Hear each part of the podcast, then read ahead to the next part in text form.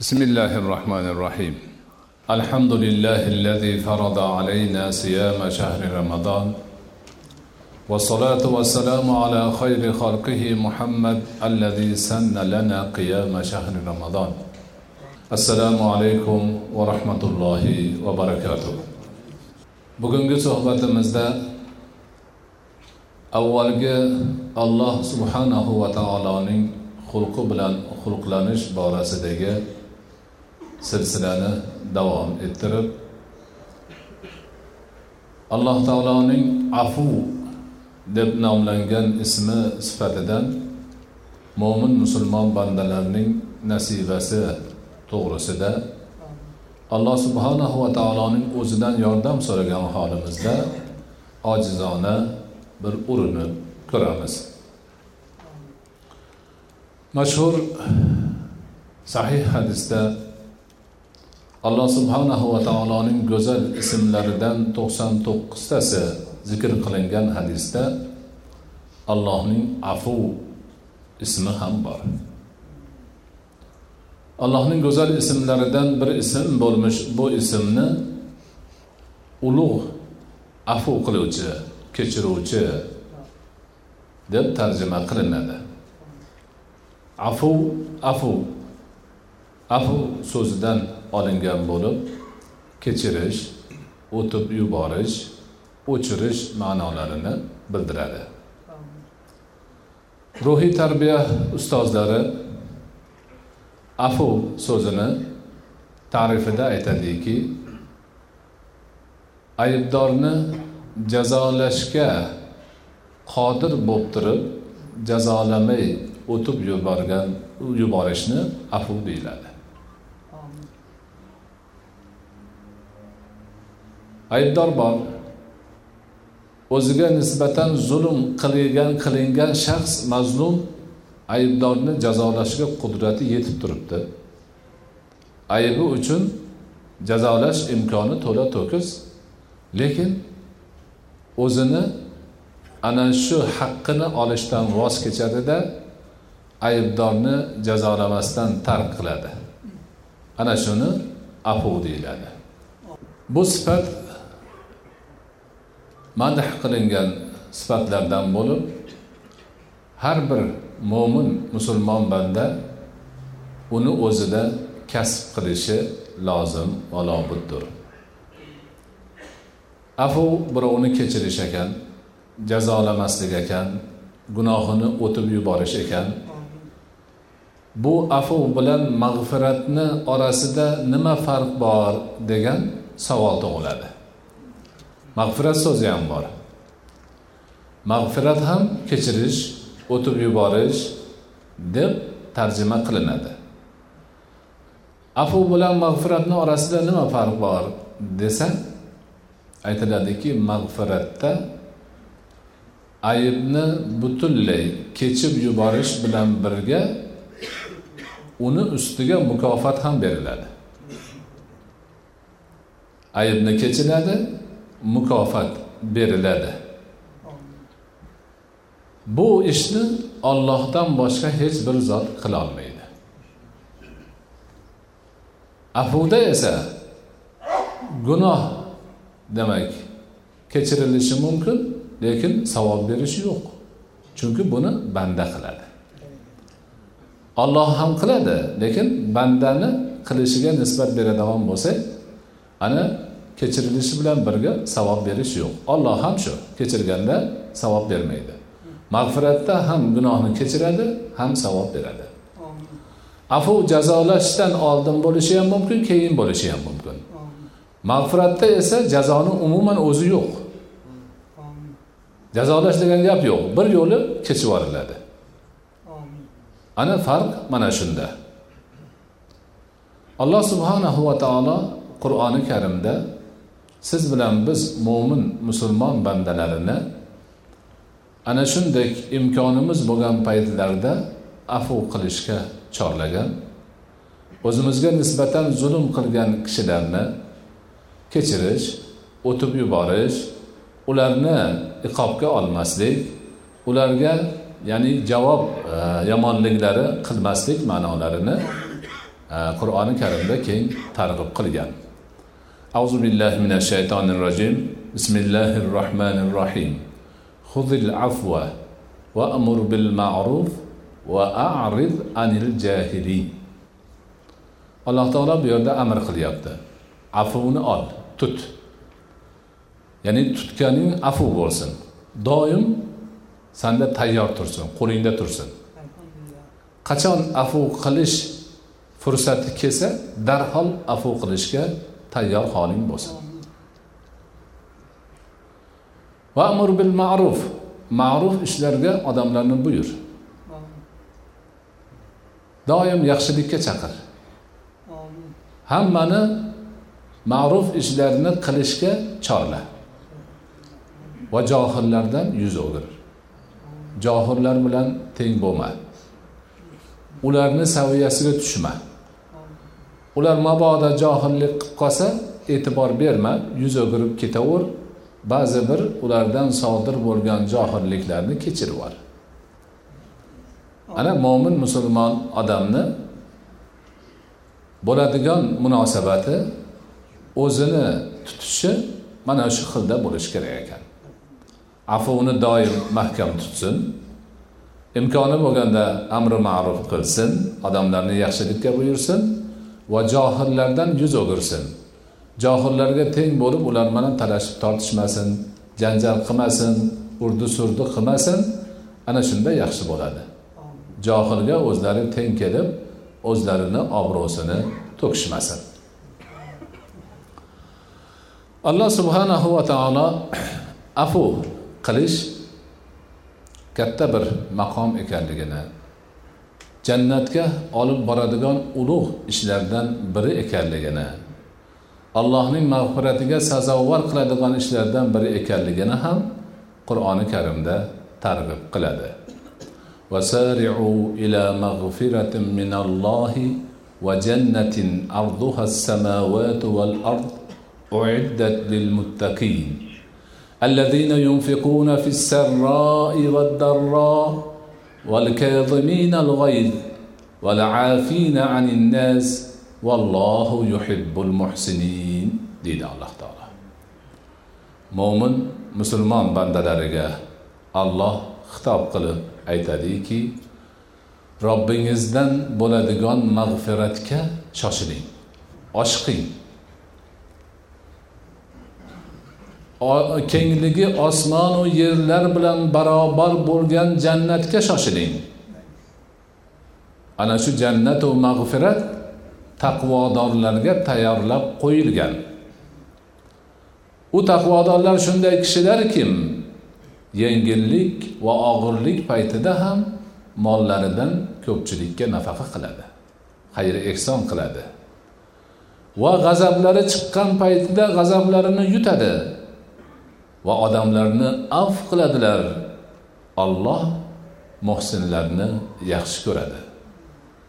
Demak ana shu ishlarni qilish og'ir yengil paytda muhtoj kishilarga xayri ehson qilish g'azabi chiqqan paytda g'azabini yutish odamlarni avf qilish muhsin insonlarni taqvodor insonlarni sifati ekan. Mo'min musulmon banda gunohlarim mag'firat bo'lsin desa kengligi osmonlaru yerga teng bo'lgan jannatga sohib bo'layin desa mana shu ishlarni qilish kerak ekan. Ana demak yengilu og'ir paytda moli dunyo sarflab xayri ehson qilish achchig'ini yutish bilan birga odamlarni afu qilish sifati ham ana shunday buyuk maqomga bandalarni erishtirar ekan. Ushbu oyatga amal qilgan ulug'larimizdan ba'zilarini o'tgan suhbatlarimizda aytib ham o'tdik.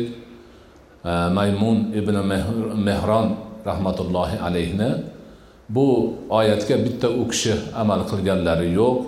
Boshqa ulug'larimiz ham amal qilganliklari to'g'risida rivoyatlar bor.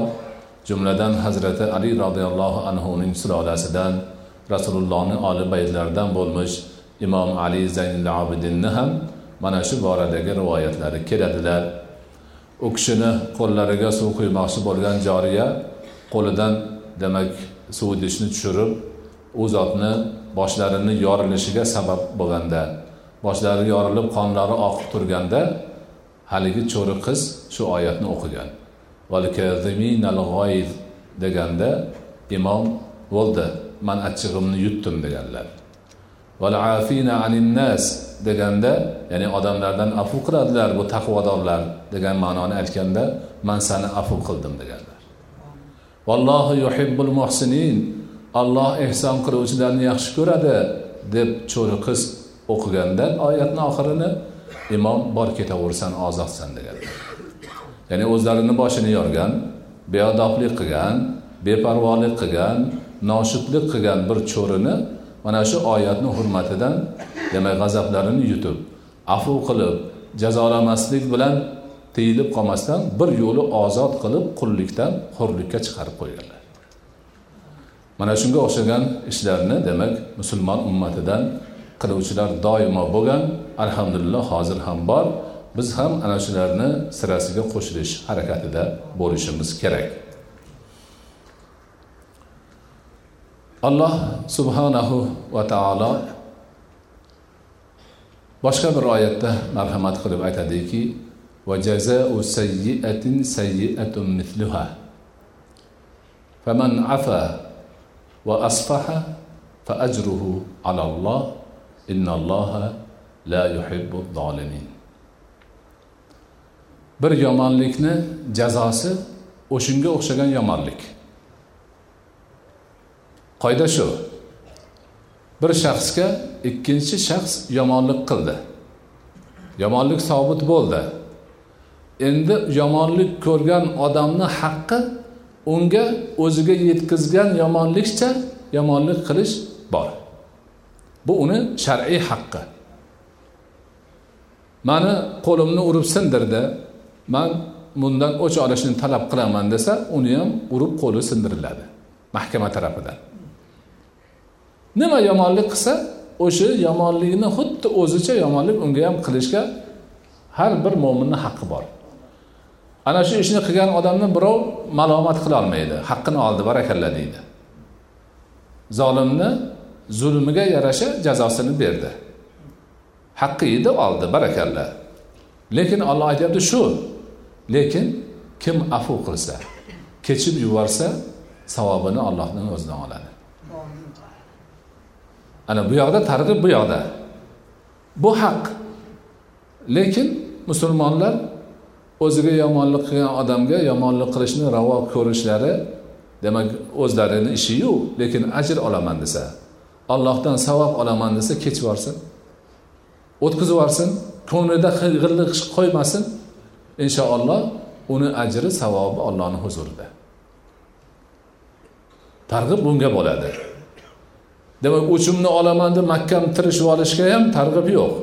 Bu haq sifatida sobit narsa. Lekin kechib yuborish o'tkazib yuborish uni afu qilish demak targ'ib qilinadi oyati karimaning o'zida. O'zida. Ana bu demak sifatlar siz bilan bizda doimiy ravishda bo'lishi lozim sifatlardan hisoblanadi. Shuningdek oila a'zolari o'rtasida ham bir birlarini kechirish afu qilishni alloh subhanahu va taolo qur'oni karimda zikr qilib qo'ygan. Inna min azvajikum avladukum aduvan lakum fahdharuhum. Va in ta'fu va taghfiru va in ta'fu va tasfahu va taghfiru fa innalloha g'afurur rahim. Albatta jufti halollaringizdan bolalaringizning bolalaringizdan ba'zilari sizga dushman bo'lishi mumkin. Hazir bo'linglar. Ammo afu qilsalaringiz kechib yuborsalaringiz mag'firat qilsalaringiz bu yaxshi chunki alloh taolo o'zi g'afurur rahim zot oilada shunaqa holatlar bo'lib qoladi. Oilada jufti halollarni er xotinlarni yoki ularni farzandlarini hammasi ham yaxshi emas. Ba'zi vaqtida ota onaga zarar keltirib ularni e, demak xafa qilib ularni ba'zi bir ish yaxshi ishlardan to'sib ibodatlardan to'sib qoladigan bolalar ham bo'ladi. Juft halollar ham bo'ladi. Ana shularni alloh taolo dushman deyapti. Haligi katta ma'nodagi dushman emas. Ya'ni yaxshilikni ko'p qilishdan chalg'itib qoladigan holat. Erlar ham bo'lishi mumkin bular ayollar ham bo'lishi mumkin.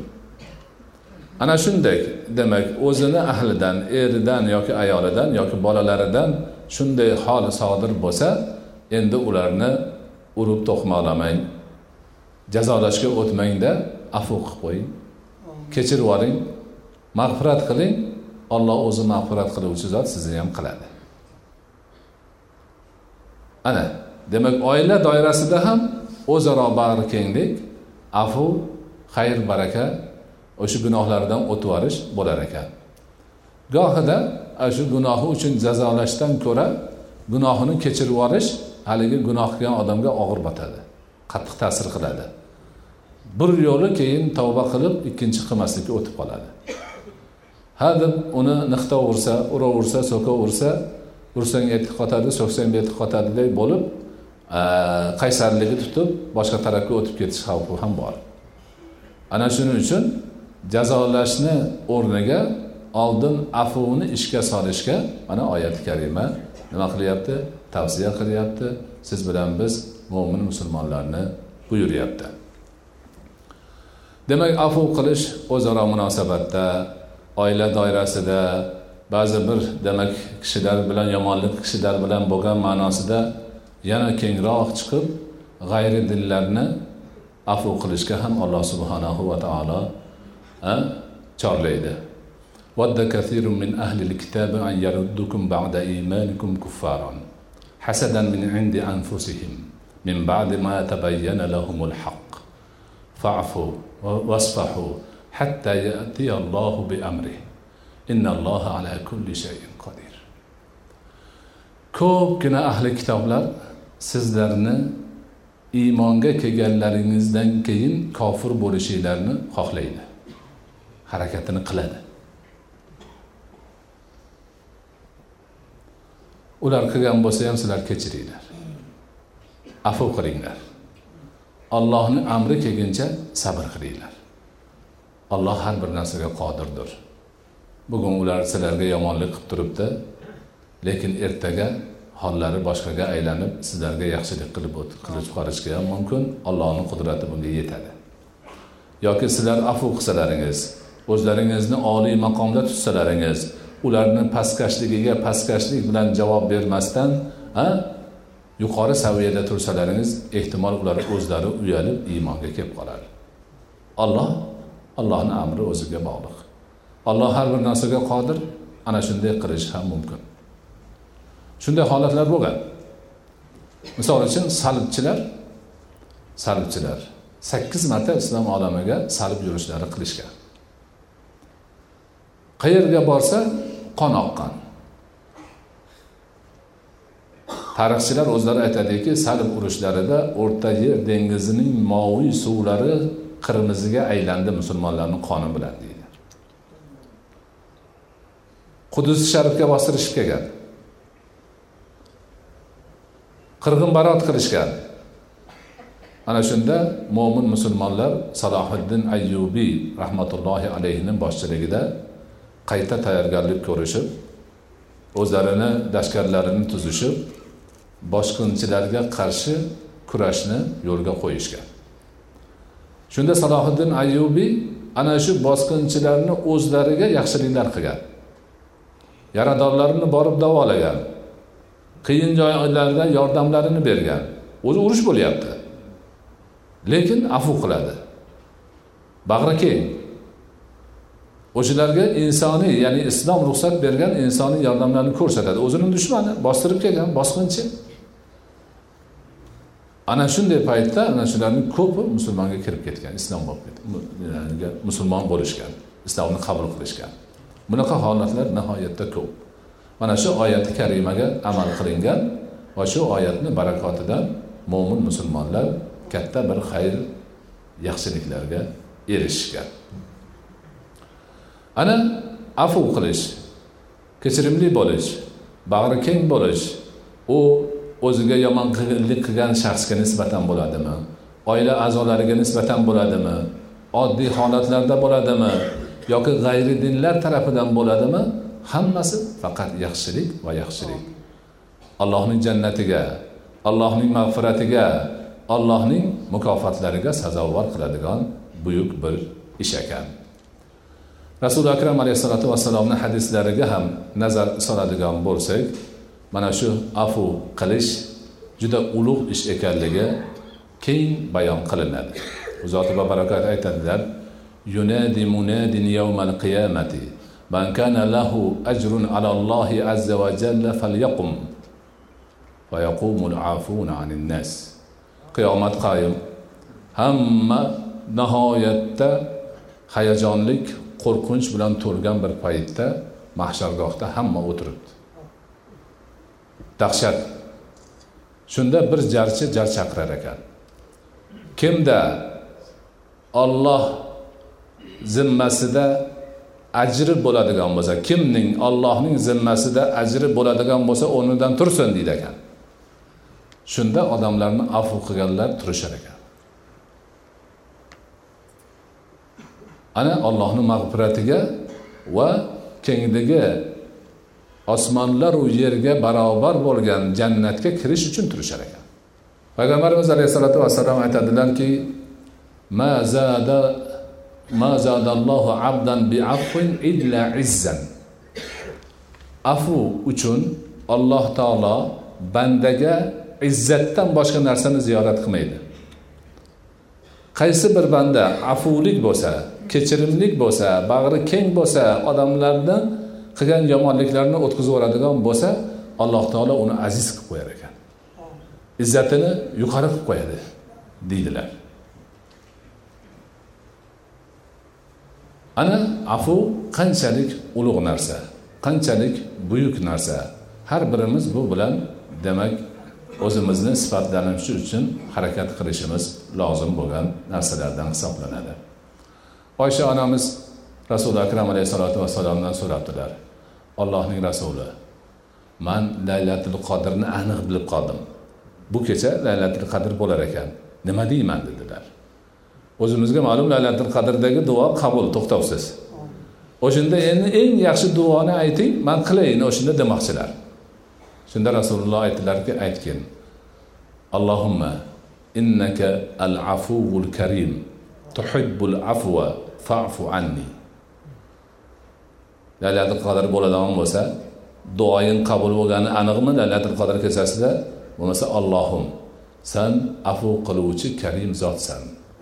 Afuvni yaxshi ko'rasan mani afu qilgin deb so'ragin deb o'rgatdilar. Demak biz duolarimizda doim mana shu afuvni so'rab turishimiz kerak. Afuvni so'rab turishimiz kerak bu bizga ana shunday sifatga ega bo'lish va u sifatni ortidan keladigan katta mukofotlarga sazovor bo'lish yo'lini ochadi.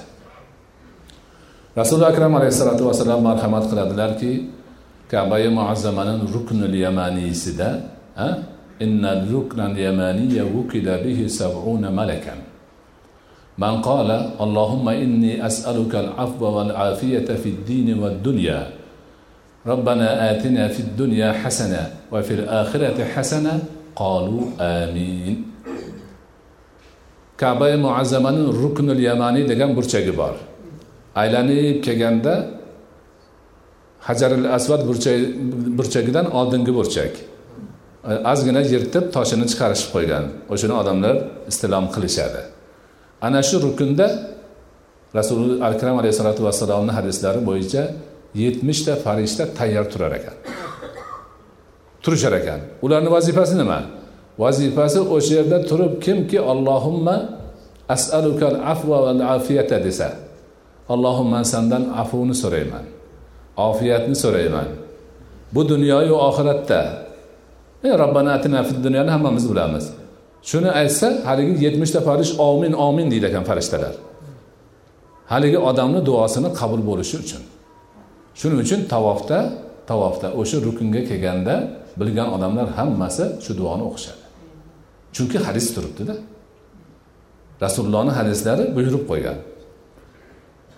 ana olloh nasib qilib kim borib umradami hajdami baytullohni tavob qiladigan bo'lsa o'sha rukunga yetganda hajaril asvadga kelguncha shu duoni o'qisin اللهم أسألك العفو والعافية في الدين والدنيا ربنا أتنا في الدنيا حسنة وفي الآخرة حسنة وقنا عذاب النار bilsinki o'sha burchakda yetmishta farishta bu duosiga omin omin omin deyishib turibdi bu degani duo qabul bo'ldi degani Payg'ambarimiz alayhissalotu vassalomning ko'pgina hadislarida shu ma'noda demak afuni ulug'langan. Dunyodagi eng afuni o'ziga mujassam qilgan banda ham rasuli akram alayhissalotu vassalomning o'zlari bo'lganlar. U kishini hayotlarida inson zoti odam bolasi qilishi mumkin bo'lgan afuni eng go'zal namunalari namoyon bo'lgan. Haybarga sahobalar bilan borganlarida bir yahudiy ayol odamlardan so'radi bu nabiy qo'y go'shtini qayerini yaxshi ko'radi? deyishuvdi qo'l tarafini qo'l tarafini deb bilganlar aytishdi. Ayol qo'y so'yib go'shtini pishirib o'sha qo'l tarafini alohida qilib zahar solib olib keldi. Rasuli akram alayhissalotu vassalomga sahobalar bilan birga o'tirganlarida tutdi va o'zi ketdi. Rasuli akram alayhissalotu vassalom olib haligindan og'izlariga solib bir chaynaganda jibroil alayhissalom kelib gap nimadaligini aytdilar. Darhol haligi go'shtni tupladilarda ayolni olib kelinglar dedilar. Ayolni shoshib keldi. Nimaga bunday qilding? Deganida man sinamoqchi bo'ldim agar haq payg'ambar bo'lsa bilib qoladi.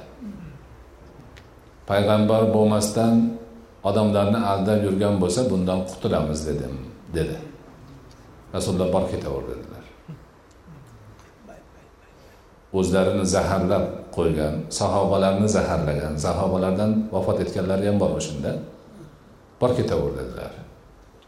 O'zlariga ham o'sha narsa keyin ham ta'sirli qilib turgan doim. Yahudiylardan bittasi u kishini sehrladi. Mashhur ana shu muavvizatayn qulozi berobin falaq qulozi berobin nas tushgandagi mashhur voqea. O'sha odamni ham o'sha olib kelgan. Nima qilsa turibdi lekin ketaversin afu qildim kechirdim. Rasuli akram bir kuni kishilarga mol taqsimladilar. Taqsimlab bo'lganlaridan keyin zulhuvaysira degan bir qo'pol badbaxt odam kelib rasulullohni sudrab yoqalaridan tortdi. Ollohdan qo'rq dedi. Adolat qilmading hozir mol taqsimlashda. Qattiq qo'pollik qildi. Allohni rasuli aytdiki sho'ring qursin man adolat qilmasam kim qiladi? Olloh adolat qilmasa kim qiladi adolatni? Haligi qarab turib orqasiga qarab ketdi. Shunda sahobalar aytdiki allohni rasuli izn bering buni bo'yniga qilich uraylik. Deyishgan edi. Yo'q qo'yinglar. Hali qarab turasizlar buni zotidan keyinchalik qur'on o'qigani oldida siz qur'oningizni hech narsaga arzimaydigan. Namoz o'qiganda namozingizni hech narsaga arzitmaydigan lekin dindan kamon o'qi tez chiqqandek chiqadigan undoq bo'ladigan bundoq bo'ladigan deb hozirgi buzg'unchi toifalarni sifati bor gaplarni gapirdilar. Lekin o'shani ham baribir kechirdilar. Afu qildilar. Bunga o'xshagan rasulullohni afu qilgan holatlari nihoyatda ko'p. U kishi hammamizga go'zal o'rnak. Ana shu e'tibordan siz bilan biz afu tushunchasini yaxshi bilishimiz. Bu narsa sizni bizni doimiy sifatlarimizdan bir sifat bo'lishligi allohning buyuk bir sifatidan biz ham nasibador bo'lishimiz kerakligini unutmasligimiz. Bu sifat bu dunyoyu oxiratni obro'si ekanligi dunyoda odamlarga mahbub qilishi oxiratda jannatga kirishga sabab bo'lishi jannatning oliy maqomlariga sohib bo'lishga sabab bo'lishini doim esimizda tutishimiz kerak. Shuning uchun afu to'g'risidagi oyatlarni qayta qayta o'qib o'rganishimiz sharhi tafsirlarini o'zlashtirishimiz payg'ambar alayhissalotu vassalomni bu boradagi hadislarini ham qayta qayta o'rganib turishimiz u kishini afu qilgan holatlaridagi hodisalar qissalar va u kishidan keyingi avlodlar sahobalar tobeinlar tabaa tobeinlarni hayotida bo'lgan shunga o'xshagan ibratli qissalarni o'rganib bir birimizga aytib mana shu sifatni doimiy ravishda yuqori saviyada ushlab turish harakatida bo'lishimiz kerak.